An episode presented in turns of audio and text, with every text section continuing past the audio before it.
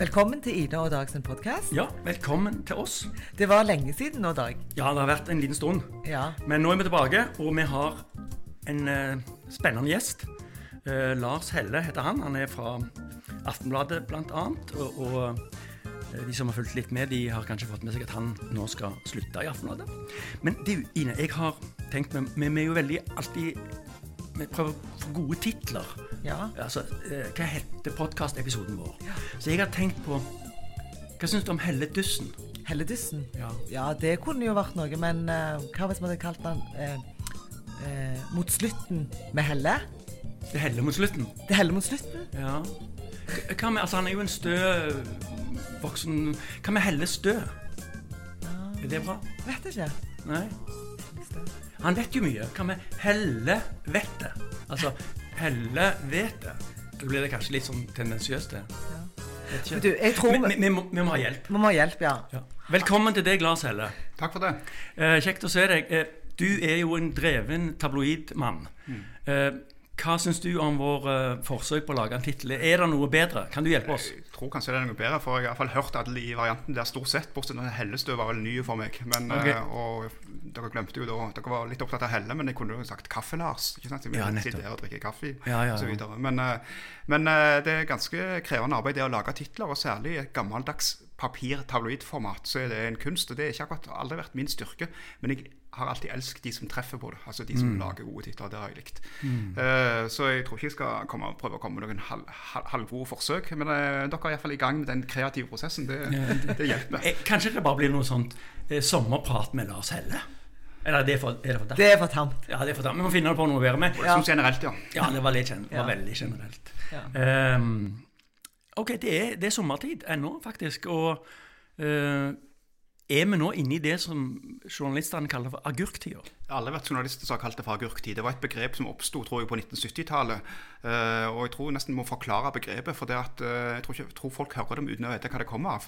Men folk snakket jo om agurker, agurkpriser på torget og sånne ting. Og at det var det avisene fylte spaltene med. Det er lenge siden uh, avisen måtte fylle spaltene med det. Og det blir en sånn litt sånn nedsettende hån når noen er misfornøyd med det som står i avisa. Ja, det er agurktid nå, så syns dere det er en sak. så synes dere Det er en sak.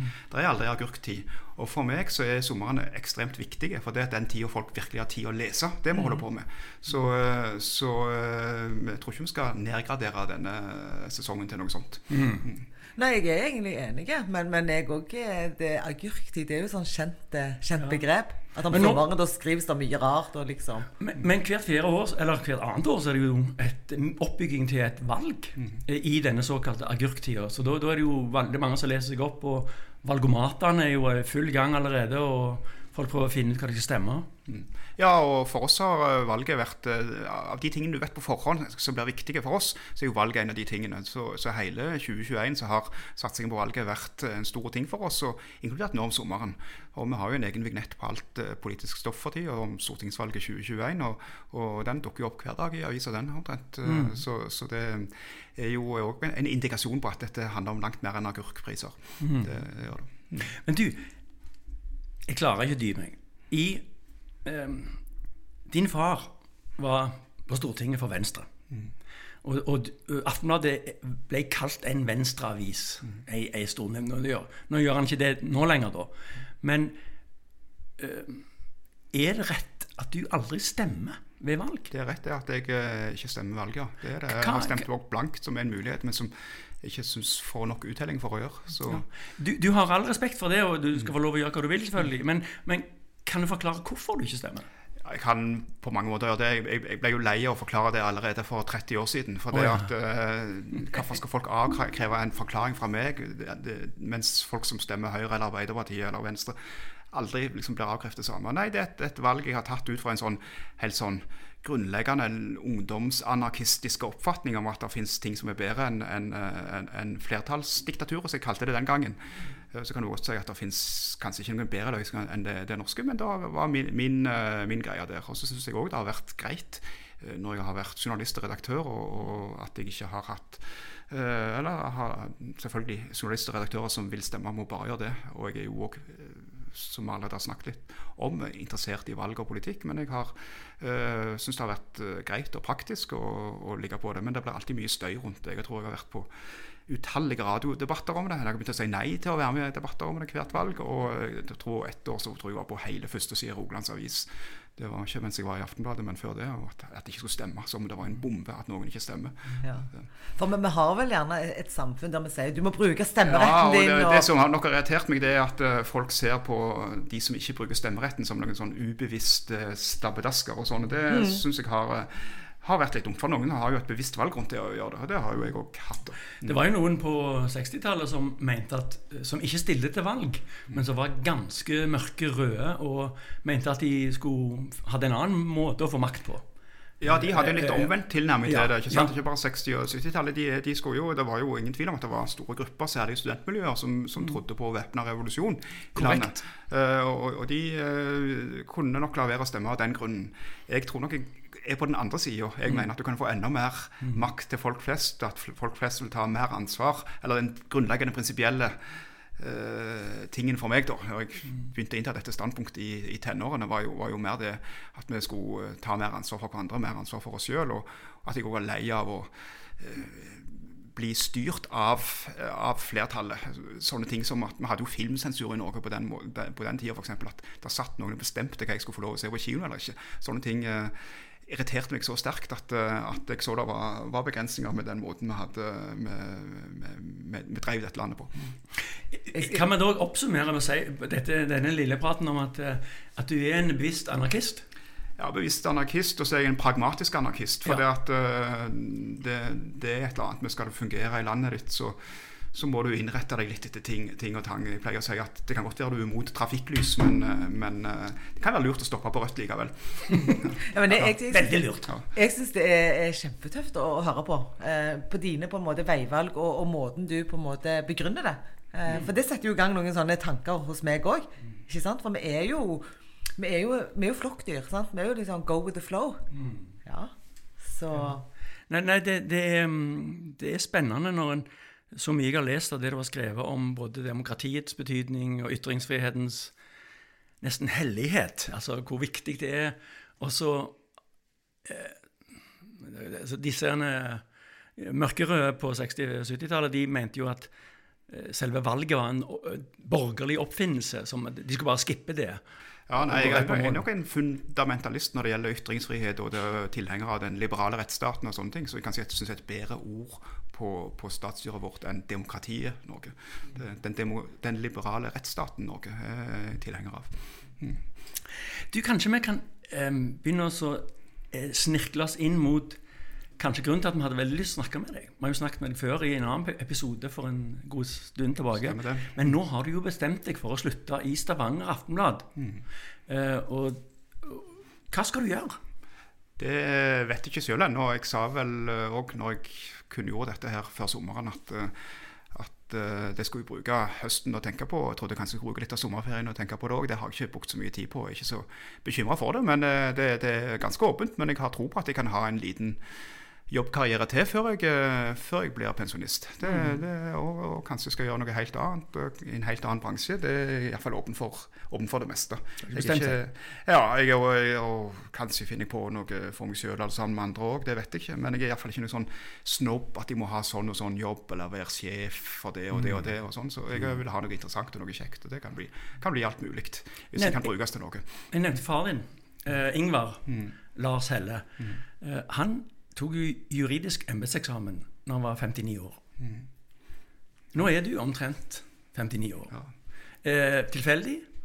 Forskjellen på han og meg var at uh, når han gjorde det, så var det fordi han var litt misunnelig på meg og broren min, som hadde tatt juridisk embetseksamen. ja. Så det har jeg tatt for mange mange år siden. Det tok jeg da jeg var 23, tror jeg. Så, var, så, uh, så den har jeg jo i bånn. Ja, men, du, du, men du, har ikke tenkt å gå inn på noe studium og Nei, ta en det, annen eksamen? Nei, det, det, tror jeg ikke. Jeg har egentlig aldri vært sånn, aldri vært sånn kjempefan. Jeg har tatt studier, jeg har tatt, uh, gått på kurser og gikk på BI på et kurs et år og sånne ting i voksen alder òg. Men jeg har aldri vært sånn kjempe, aldri vært så kjempekult verken med studietilværelsen eller skoletilværelsen. Så jeg uh, tviler på det, selv om man kanskje setter innom på et eller annet. Jeg tror jo at det var mange Lars, som ble ganske sjokkerte når de leste i avisa at du skulle, skulle slutte.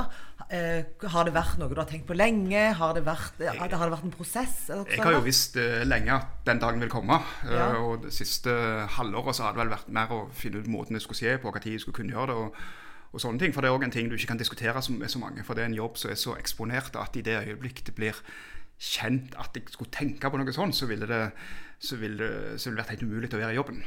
Uh, så det var vel egentlig når jeg liksom hadde tatt beslutningen og funnet fram til en god prosess å gjøre det på sammen med styreleder, at jeg fant, og da, da, da, var jeg klar på at da må vi kunne gjøre det så fort som mulig. Mm. Og det var vel i begynnelsen av juni. 7. Mm. juni eller noe sånt. Mm. Det, det, jeg gjorde det. Så, nei, det var litt senere, kanskje. Men. Ti, ti år har det vært ca. Ja, det blir, ti, det blir ti år til, og, til nyttår. Ja. Mm. Og, og, ti år uh, Mye kan jo skje på ti år. Og hva, hva, altså På din vakt, hva har skjedd med Aftenbladet?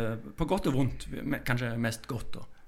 Ja, Det er jo ikke jeg som rette til å vurdere det, men det har nok skjedd mer på de ti årene enn i de 115 årene før det, på mange måter. fordi at selv om Aftenbladet kom på nett allerede i 1996, så har jo den digitale utviklingen skutt fart først og fremst de siste åtte-ti årene. Og bare den at vi var en av de første avisene i Norge som la om til betalt digitalt innhold, med mye kjeft og udemokratisk og sånne ting, så, så var det viktig. For det viser seg at vi fant ganske fort fram til en forretningsmodell som gjør at det tydeligere og tydeligere har vist seg både at vi og mange andre, eller alle andre i, i Norge og verden nå skal leve av digitale abonnenter ikke av papirannonser. Det er å snu en forretningsmodell på hodet fullstendig og fortsatt går med overskudd. Så det er jeg ganske stolt av at vi har fått til. Og det er omtrent de samme folka som var der den gangen, som er der i dag, som har fått til den snuoperasjonen. Det er jo det ene. Og så må jeg jo si at det har vært kjekt å følge den journalistiske utviklingen. Det har vært mange omstillinger og tøffe tak, og, og, og mange har slutta, tatt sluttpakker og sånn i perioden. Samtidig har vi levert Uh, nå skal jeg passe for ikke å skryte, men, men, det kan nesten dokumenteres at vi har levert noe av den beste journalistikken i mediehuset sin historie. Og vi har jo fått flere priser de siste ti årene enn vi har fått uh, hele perioden før det. Det er sant. Det, det, det støtter jeg faktisk, mm. som, som, abonnent. At Aftenbladet har blitt bedre. Og det sier jeg ikke bare for å, for, for, for, for, for å være snill med gjesten vår. Uh, men, men, jeg er jo en betalende abonnent, dog bare på, på nett. Ja, og da er du faktisk det som har skjedd i vår, at da er du i flertallet. Nå har vi flere som betaler for digitalabonnementet for å få papiraviser ja. i postkassen. Og det forteller jo egentlig ganske mye om, eh, om utviklingen. Ja, Men denne, denne, gode, gamle papirbunken som vi fikk inn, den, og det var òg på din vakt, den ble jo nå trykka i Bergen. Ja, det, eh, Hvordan går det? Altså, eh, det er både frakt, og han kom ut mye seinere. og Nei, Han kommer ikke ut mye seinere, men vi trykker den litt tidligere enn vi, enn vi gjorde når vi trykte på Forus. Så ja. når, det gjelder, når, det gjelder, det skal vi si at alle redaktører vil gjerne ha deadline så seint som mulig. Ja. Før i tida så trykte vi jo andre- og tredjeutgaver og sånn. Jeg husker særlig når jeg jobbet i løssalgsavis Dagbladet, hvor viktig det var å ha siste nytt. Sånt. Det, var, det var alltid noe du ikke fikk med deg. Uh, så, så, sånn sett så hadde det vært ideelt å trykke i, i nærmeste nabolaget. Men det, eh, det, har skjedd så mye på trykkerifronten, særlig det der med at papiropplaget til norske aviser har gått ned. En avis som VG trykker jo bare en ikke en fjerdedel, men sjuende åttendel av det de gjorde på høyden for 15 år siden. Og Da trenger du ikke alle de trykkeriene. Så jeg kunne jo valgt å fortsatt være kunde på det trykkeriet på Sandnes, men det ville kosta kanskje så mye, så mye mer. Kanskje ti journaliststillinger. Kanskje alle de prisene vi har fått eh, de årene. Så analyserte vi jo hva, Folk tror jo at du sitter, sett på amerikanske filmer fra 1950-tallet med en eller annen mann med hatt som snakker om at ah, 'Deadline, nå, nå må vi levere'. Men en godt planlagt papiravis blir planlagt over ukevis. Så, så eh, vi, vi, tok oss for oss noen uker da, før vi la om da, i 2016 og så at svært lite av det som kom på trykk i papiravisa, eh, var lagt etter, altså sent på kvelden. Selvfølgelig, det er noen kommunestyremøter, det er noen fotballkamper, og vi skulle gjerne hatt det med, men vi er jo blitt enda bedre på nett med det, og det er jo en av mm. grunnene til at folk i enda større grad har, vil ta det digitale abonnementet. Men vet ikke folk at uh, Viking så vidt slo uh, Stål lenge før dere klarer å trykke noe som helst? Jo, det var jo òg litt, litt, av poenget. Men jeg ville gjerne hatt den, den Stål-kampen uh, med i, i, i dagen, dagen, etterpå òg, selvfølgelig. Det, det, det legger jeg ikke skjul på. Men, er, men, men, i et abonnement så kan folk gå inn og følge med. Får de stål, stålreferatet tidligere enn noensinne. Ja. og, så det, og så er det fortsatt noen som syns dette er en skandale og det verste som har skjedd i den tida. Det har jeg òg fått mailer om, selvfølgelig, nå når jeg slutter. For det er jo mange som er lykkelige over det. Og så endelig har slutter mannen som har gjort den største tabben i Aftenbladets historie, nemlig å la avis og ikke ha Vikingkampen dagen etterpå. Så kan jeg svare at de har Vikingkampen samme dag, men det, sånn er det nå bare. Men, men har, det vært, har, det vært, sånn gjennom disse ti årene? Har du fått mye mailer fra, fra, lesere og kunder? Ja, ja, det er jo en, det er jo en 24-7-stilling hvor du får henvendelser hele veien. og, og, og litt, litt, opp og ned, men hele veien så er det folk så, Og jeg er liksom, enten det er min feil eller ikke, så er det jeg som må ta ansvaret. For jeg er liksom ansiktet utad for Aftenbladet. Så det har vært mye av det. Hei, dette er Bent Høie, eller Høyen. Nå hører du på Ine og Dags podkast. Og det bør du gjøre, hvis ikke så kaster jeg Folkehelseinstituttet på deg. Og da sliter du. Men, men, hvordan blir det nå, eh, når du skal på en måte ut av denne jobben? Eh, du har vært på 24 timer i døgnet. Eh, vil du få en litt sånn roligere hverdag, tror du? Jeg vil kanskje få en litt mer normal hverdag, og sånn, men jeg er nok, i og med at jeg har hatt det sånn helt fra før mobiltelefonens tid, når jeg ikke var redaktør, men journalist, jeg hadde sånn personsøker i beltet, så, og, og alltid hatt telefon på, nett, på nattbordet og sånne ting, så så er jeg nok litt ødelagt. Ja. Og jeg kommer nok til å kjenne på det, særlig når store ting skjer, at ja. Eh, nå skal ikke jeg være med på dette. Ja. Så det, så, så, men, men, eh, forhåpentligvis så trenger jeg nok òg å få et normalt liv ja. når det gjelder akkurat det der med at uh, jeg faktisk kan ta en søndag og ikke tenke på dette. Ja. Det har jeg ikke nå. Nei. Men, men hvordan er en vanlig, en vanlig, dag for deg? Eh, arbeidsdag? Det er jo, eh, For det første er jo ingen dager like, det er noe kjekt, men, men sånn, strukturen er jo den samme. Du går på jobb om morgenen, setter deg foran PC-en og går på møtene og, og, og, og, skal egentlig gå hjem igjen. I, når folk flest går hjem, så er det ikke alltid jeg har gjort det. og det har jo selvfølgelig òg noe med, med at eh, iallfall nå de siste årene jeg har vært i Aftenbladet, har hatt voksne unger. Ja. Men jeg var jo redaktør i Rogalands Avis på slutten av 1990-tallet, og da hadde jeg barnehageunger og sånne ting. Og da, klarte jeg å holde strukt, mer struktur på det. Mm. Uh, men, men, eh, jeg satt jo og jobbet Jeg husker en gang jeg satt med en gammeldags, litt sånn utbrettbar telefon og skrev en lederartikkel mens hun yngstedatteren min sto og fiskte. Og sånn, Eller mens jeg sto, og stekte pannekaker, så skrev jeg på en eller annen leder på, på sida. Så jeg har alltid hatt det med meg overalt hele veien. Men det går an ja. å ha mer struktur på det enn ja. det jeg har hatt de siste åra. Sånn, sånn er, er, dagene. Og så er det jo, og så sklir det jo alltid ut, for det ofte er noe på kveld. Det merket jeg jo når pandemien kom og det ikke var ting på kvelden. det ikke var ting på jobben. Det, så jeg har allerede øvd meg litt det siste halvannet år. at det er mindre ting som skjer utenom jobb, øh, jobbtida. Du nevner uh, dattera di fisker, og du skriver lederartikkel. Ja. Altså, det vil jeg jo kalle en slags multitasking på, på, på speed. Uh, det blir jo lettere og lettere med multitasking. Ja. Uh, men det at det blir lettere, det er én ting rent sånn teknologisk. Mm. Men er det bra for oss? Nei, det, det, tror jeg Du skal, skal, må ikke gjøre seg må ikke holde på sånn som jeg gjør, må heller gjøre det jeg sier. Jeg oppfordrer ikke folk til å gjøre det. og vi har jo blitt, En av grunnene til at vi har blitt mye bedre journalistiske, er at vi har fått mye flere spesialister, folk som kan sine ting godt. Mens jeg er en sånn litt gammeldags journalisttype som er interessert i alt og kan litt om alt, men ikke mye om alt. Og der må vil følge med på alt. Så jeg sitter jo og multitasker hele veien. Mm. Hører på radio, ser på fjernsyn, og gjerne to kanaler samtidig, og skriver noe, og så kommer noen bort til deg og sånne ting. For det at jeg har jo nå har jo ikke jeg kontor engang, jeg sitter i åpent landskap. Men selv når jeg har hatt kontor, så, så har jeg jo et poeng at folk skal kunne komme og diskutere ja. ting hele veien. Jeg har snakket med eh, noen kolleger av deg. Um, uh, hvis navnet ikke skal nevnes. Men de, uh, de beskrev deg som en En som ikke detaljstyrte. Som en veldig laid back person som ikke var en sånn uh, som skulle micromanage ting. Mm. Uh, hva syns du om en sånn? karakter? Det er egentlig greit å høre, for det jeg har sett og hørt om ganske mange, både redaktører og andre, som skal ha neven sine ned i alt. og jeg tror at hvis ikke du klarer å vise tillit og stole på staben din til å håndtere ting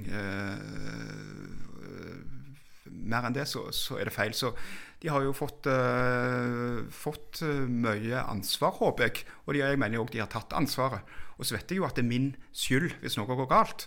Um, og, og, det skal jeg ta. Men da har vi iallfall hatt systemer som har gjort at de, uh, at de, de stoler på seg sjøl, og de har vært flinke til å ta kontakt når det er noe de er usikre på. Mm. Og så er det ja, ofte ting jeg sitter hjemme og nei, det, det, uff, nei, den tittelen der, eller den saken der skulle ikke hatt. Men da gjelder det å si OK, hvis jeg begynner å legge meg opp i det, så, så blir det verre neste uke. ikke sant? Mm. La nå de heller få gjøre en feil, og så kan vi diskutere det helt, helt uh, vanlig til tid. Så jeg har iallfall prøvd å være sånn.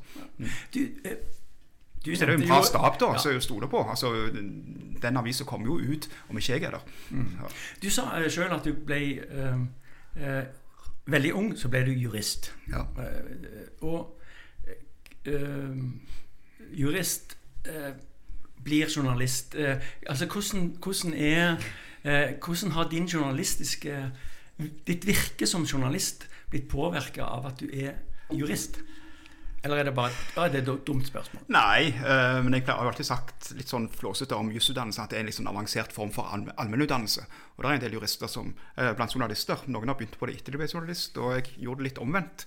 Uh, et spesiell historie, det òg, men jeg vet ikke om jeg skal ta den nå. Men, men jeg tror særlig i forbindelse med det å være leder, som jeg har vært ganske lenge, har hatt fordel av å forstå jussen, forstå mm. det norske rettssystemet. Det gjelder jo både i, i publiseringsøye med, men det gjelder jo òg at jeg er, det er mye arbeidsrett i det jeg holder på med. Det er mye erstatningsrett, det er husleierett det er Kriminalsaker. Ja, kriminalsaker, ikke sant? Og som kriminaljournalist, som jeg òg har vært, så, så, så, var det jo greit å forstå systemet. Mm. Uh, så, så, det har alltid vært greit å ha.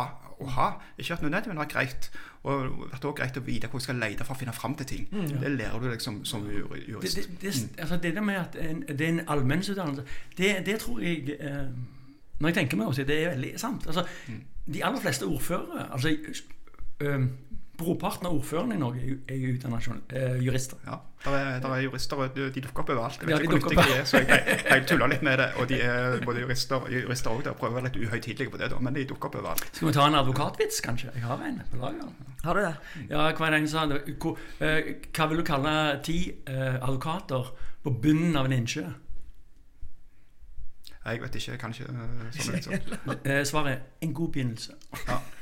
Ja da, det, det, det er gitt ut bøker med advokatvitser, og, det, og de, har, de, har, litt varierende rykte, akkurat som journalister. Så sånn sett så er det jo en likhet. Ja. For det er jo veldig mange som tror at eh, journalister er farlige å snakke med, og alt de sier Bare de møter en journalist, og bare de sier noe, så tror de at det kommer i avisa. Jeg tror det på mange måter så tror jeg av og til at journalister får litt sånn ufortjent dårlig eh, rykte. Ja, det, det, gjør de jo. Så, får, så, er det jo alltid saker hvor de har gjort oppført seg dårlig. eller sånne ting, og Det får jo ofte mye oppstandelse. Det må vi leve med. og Så er det viktig å, å si at det var dumt. eller så videre. Men de beste journalistene det er jo de som er flinkest til å få tillit hos uh, intervjuobjekter og kilder. og sånn på den mm. måten, og Det er noen som er helt unikt bra på det, og, de, og det viser igjen i resultatet òg. Ja. Det, det, det, er vel, for å si det veldig veldig sånn sjablong, at journalistene møter to typer mennesker. De som på døde liv vil i avisa, og så de som på døde liv ikke vil i avisa. Ja, det er kanskje en god beskrivelse. Det, det, det, og da sånn. gjelder det liksom å ha eh, en metode for begge deler? Ja, og så er det et eller annet, og det tror jeg heldigvis litt mindre av. Men du så på en del av disse eh, hardtslående talkshow-profilene for 20 år siden òg. De trodde at jo høyere de snakket, eller jo mer aggressive de var på skjermen, jo bedre var de. Men det er jo ikke det. Det er, ikke det. Altså, det er viktigere med å kunne grunnleggende folkeskikk enn å kunne være varsom-plakaten, som for så vidt òg er veldig viktig. Mm, mm.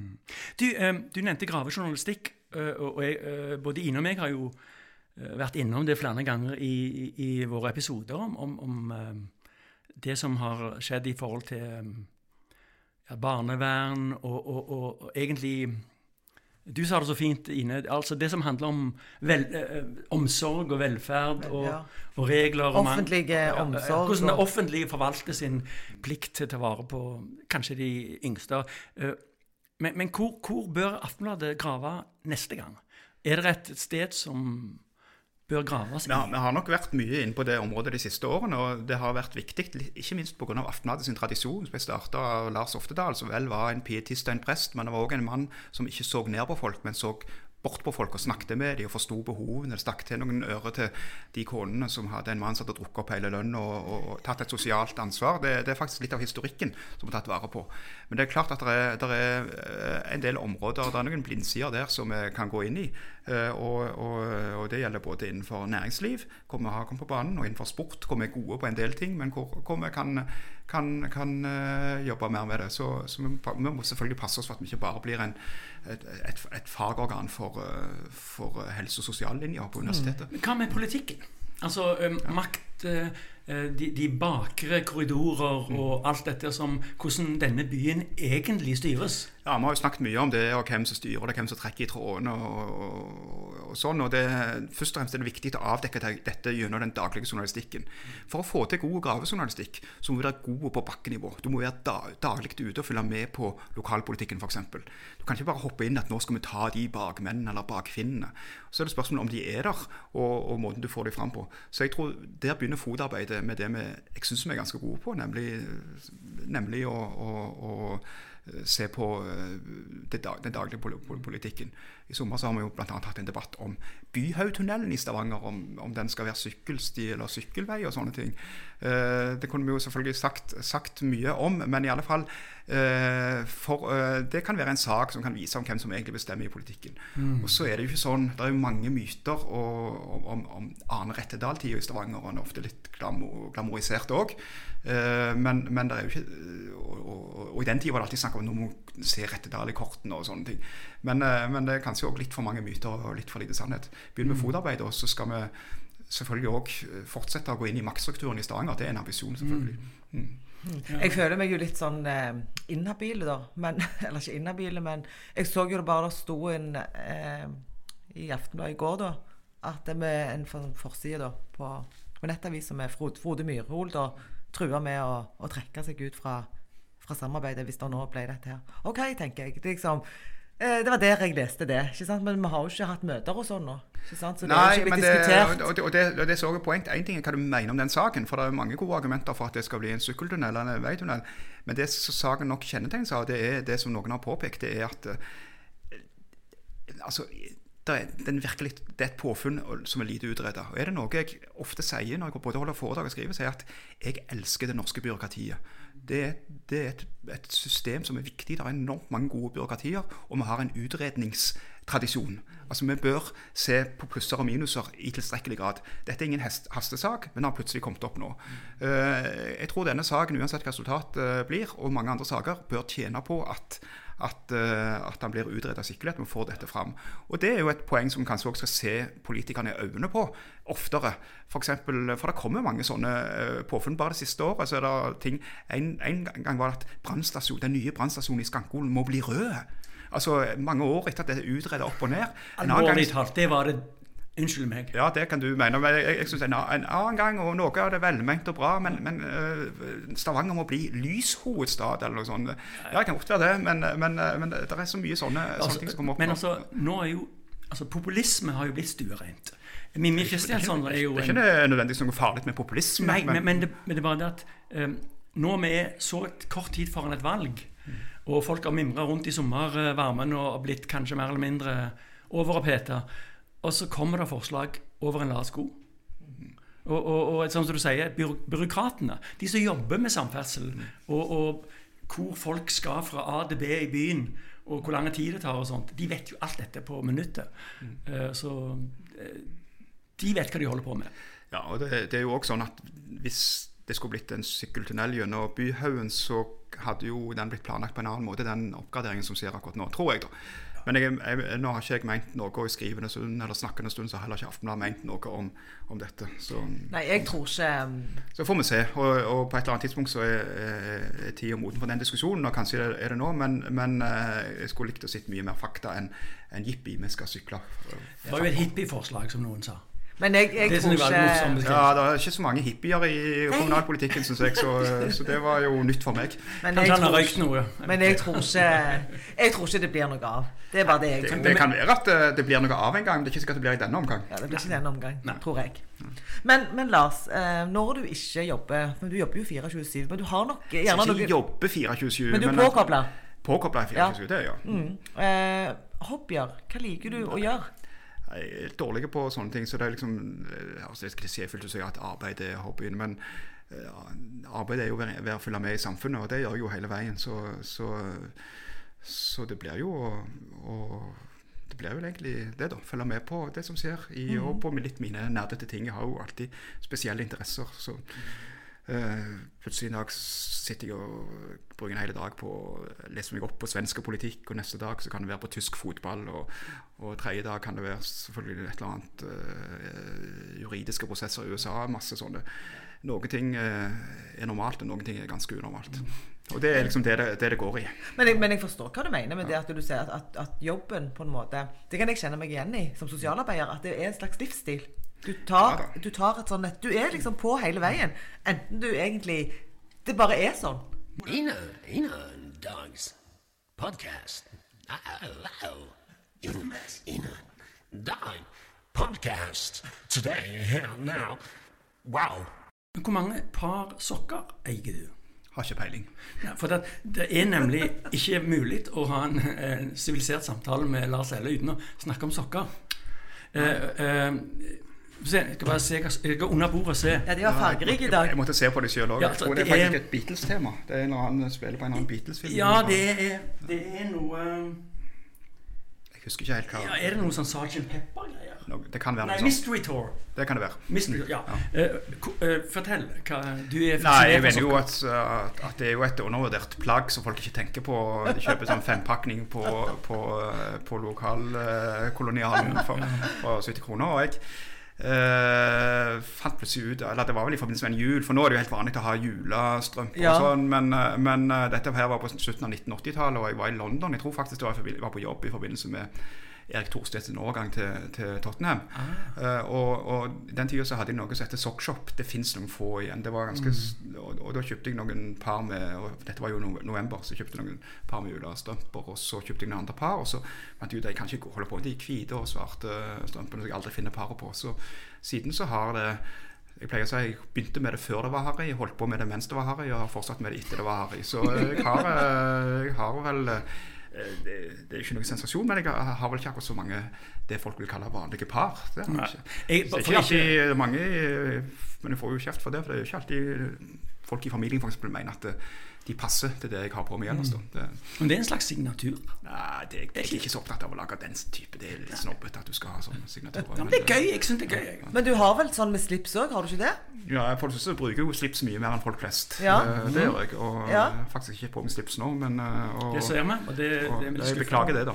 Skal bli bedre. Men jeg har vært litt dårlig det siste året. Det, Men jeg husker jeg, jeg møtte deg, det var før jul. Eh, men Jeg husker ikke hva slips du hadde på deg, men da husker, husker jeg bare at, det, at du hadde på deg et veldig sånn fint slips som på en måte var sånn fascinerende. Ja, jeg, ja, ja, jeg har noen fine òg, sikkert. Men ja eh, det var eh, det er faktisk litt Det var, vanskelig. det var noe med glitter på. Faktisk vanskelig Å ja, ok.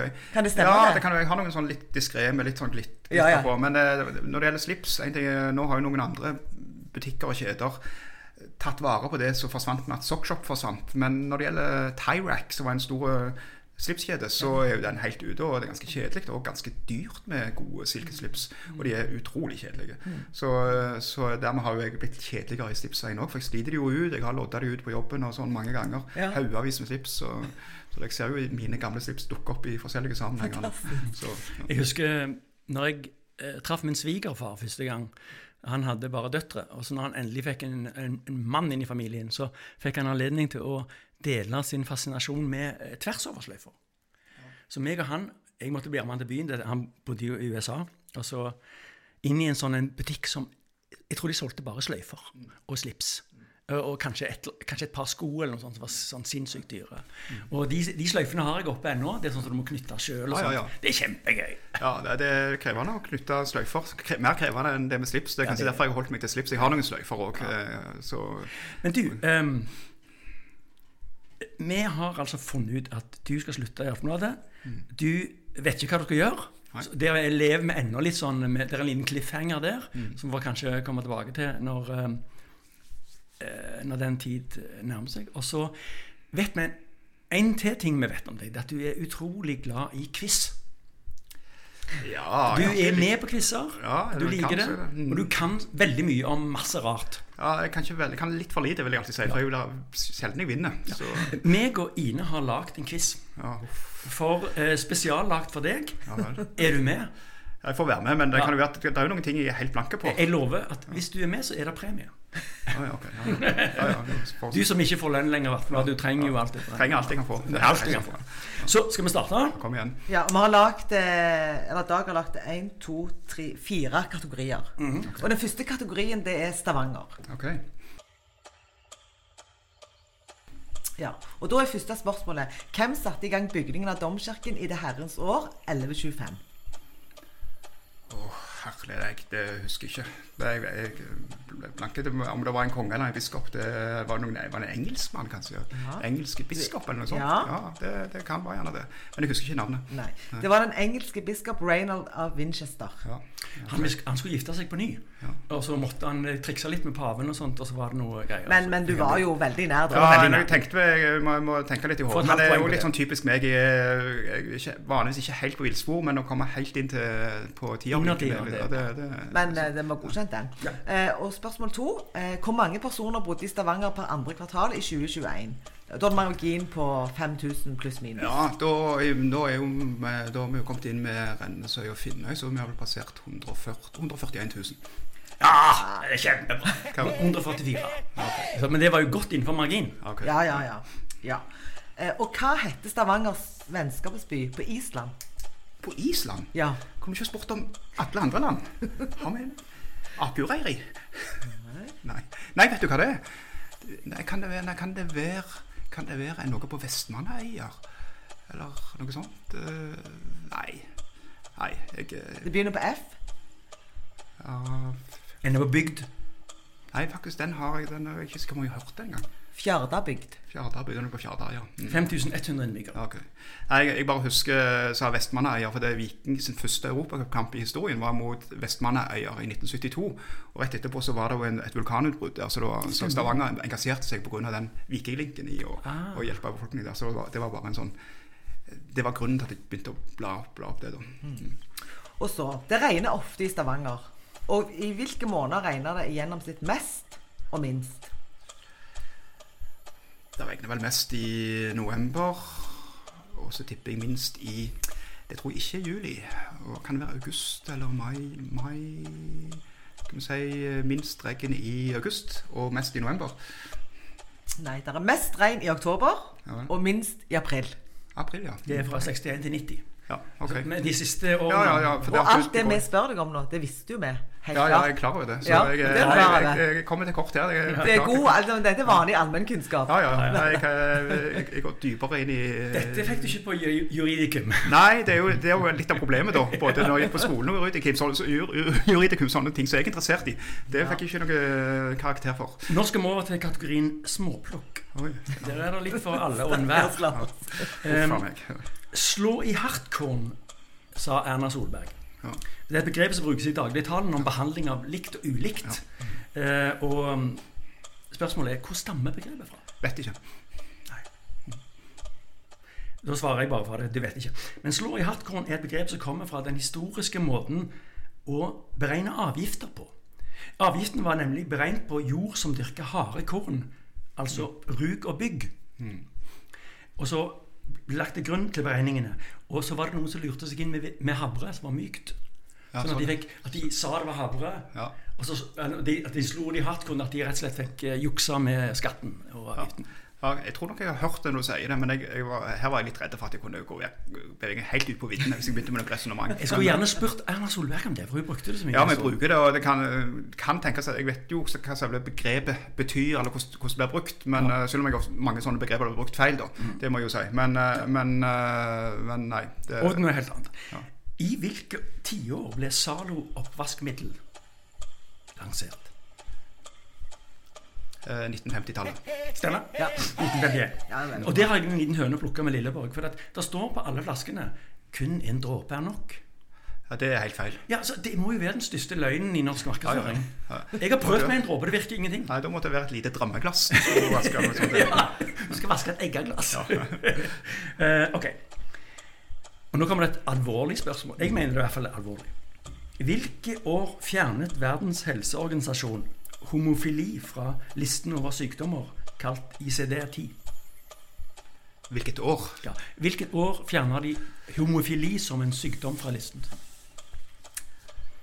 Uh, kanskje vi skal så sent som på 1980-tallet der. Jeg, eh, det er ikke sikkert vi skal så kan godt vi skal tidligere, men jeg må bare 1984. Uh, Det var 1990. Og det okay. sjokkerte meg når jeg fant ut det. For 72 ble det jo i Norge, da. Ja, nei, altså den 72 i Norge men, men Det har aldri vært forbudt å være homofil i Norge. Men det som var forbudt ifølge straffeloven, var homofilt samkvem mellom menn. Det, var var forbudt. Ja. Så, så der er jeg mener, når folk litt, litt unøyaktig når de beskriver dette med at homofili var forbudt i Norge i 1972. Det var det for så vidt ikke.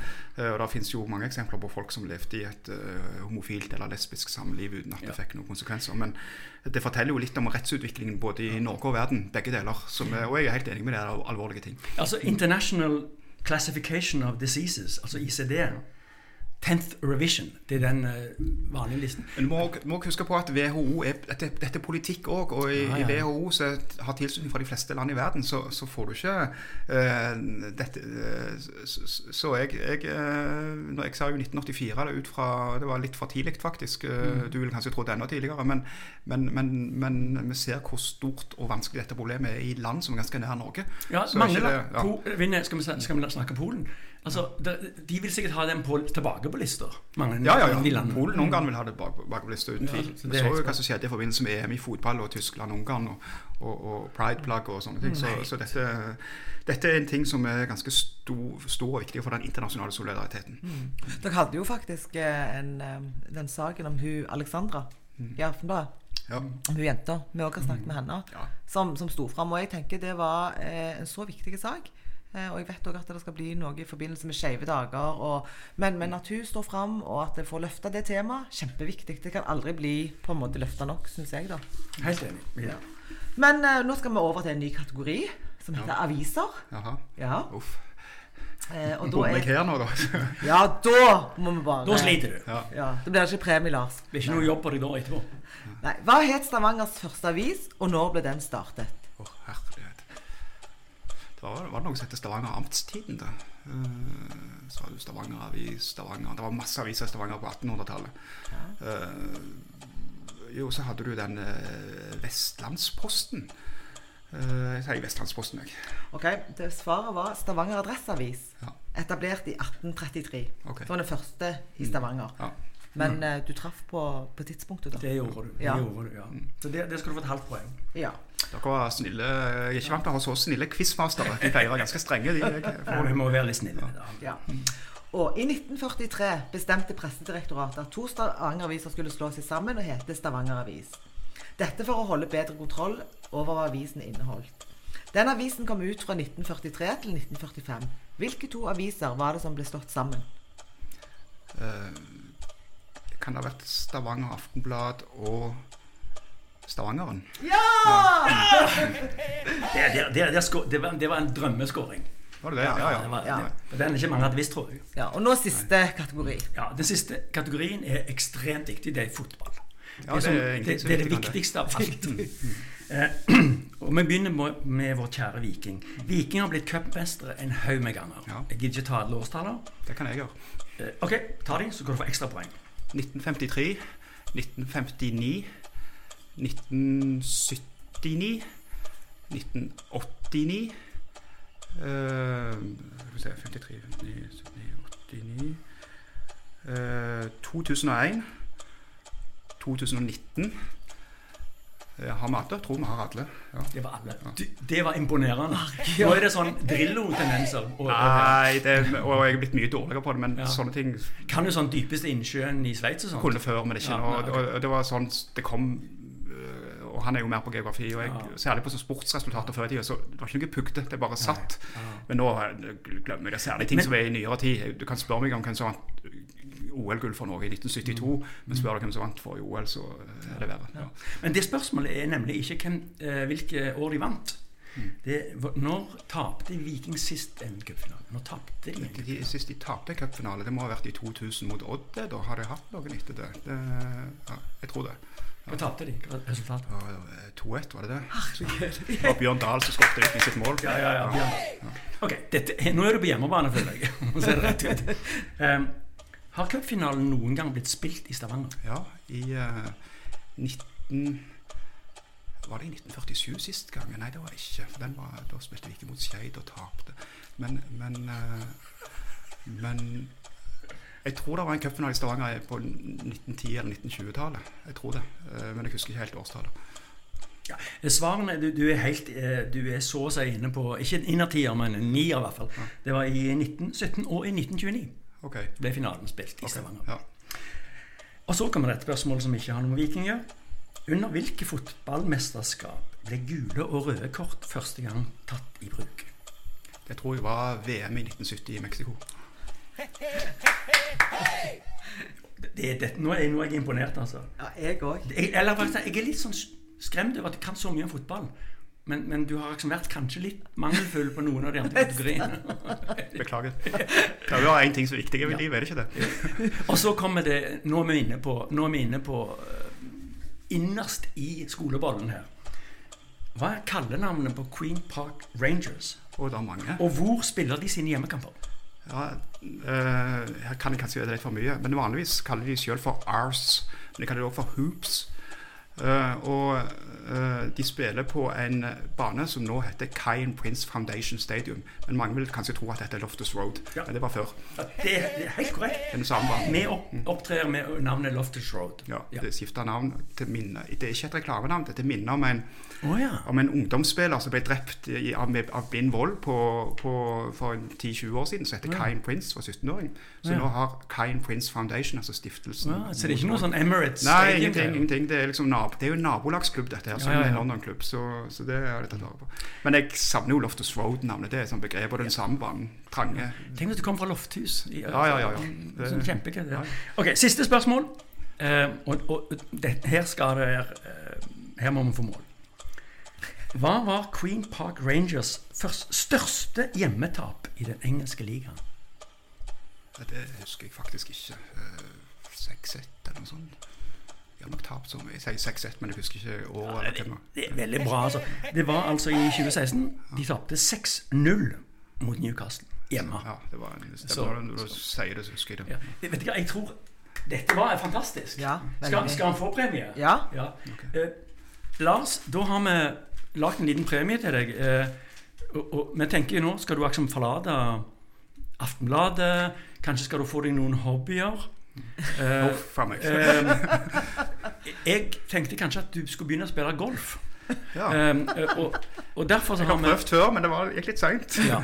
Uh, Jeg, jeg, jeg, sa, jeg sa til Dag eh, Men vi vet jo ikke om han spiller golf. Så sier jeg Dag sånn Ja, men han har ikke golfkropp. ja. Så lurer jeg på hva er en golfkropp? Jeg vet ikke. Men det som jeg vet om når de spurte Arne Rettedal om han ville bli med i Stavanger Golfklubb, så sa han ja på én betingelse. Ja, ja, hva, hva da? At de slipper å spille golf. Vær så god. Okay. Det er altså eh, dette er, nå, nå lukker Lars opp en eh, lang, smal, eh, liten presang. Det er et slips med At det er et golfslips med Ja. kommun, kommuneemblem på og Ja. golfkøller på. Dette slipset fant jeg på loftet i Stavanger Golfklubb. I en kartong som antagelig stemmer fra tidlig på 70-tallet. Da bestemte klubben seg for å kjøpe inn slips til sine folk når de reiste. Dette var, dette for meg, dette var, dette var, Så, var helt fantastisk. og da kan du ta på deg slipset. Og, du, og det, det slipset gjelder òg som en invitasjon fra meg, eh, som har sittet i eh, styre og stell i den, den klubben der. Og jeg eh, ønsker deg hjertelig velkommen. Eh, Det er masse folk på din alder og enda eldre som Jeg vet det. Takk for det. Kanskje det er det jeg må bruke tida på framover. Du svirer mye tid på golfbanen. Ja, jeg vet det. Før du vet ordet av det, så er dagen vekk. Dette var gøy. Ja. Jeg syns du klarte det veldig bra. Når, men jeg, gidder ikke telle opp poengene. Det, det var, du, du hadde en god innsats. Jeg syns jo at det, det var jo en ganske vanskelig quiz, og jeg tror ikke jeg hadde nesten klart å svare på noen sånn helt sånn Jo, men han har vært sjefsredaktør i Aftenbladet i ti år. Da, må du, da, da er du ikke som vanlige folk. Du må ha litt kunnskap. Tusen takk for at du kom til oss. Takk for at jeg fikk lov å komme igjen. Det- Lykke til ja. i din uh, ferd videre. Uh, Og lykke til til dere med både podder og politikk og, alle, og golf. Ja, ikke minst, ikke minst golf. Og så ønsker vi deg en fortsatt god sommer. Ja. Takk i like måte. Ja. OK, ha det bra. Ha det.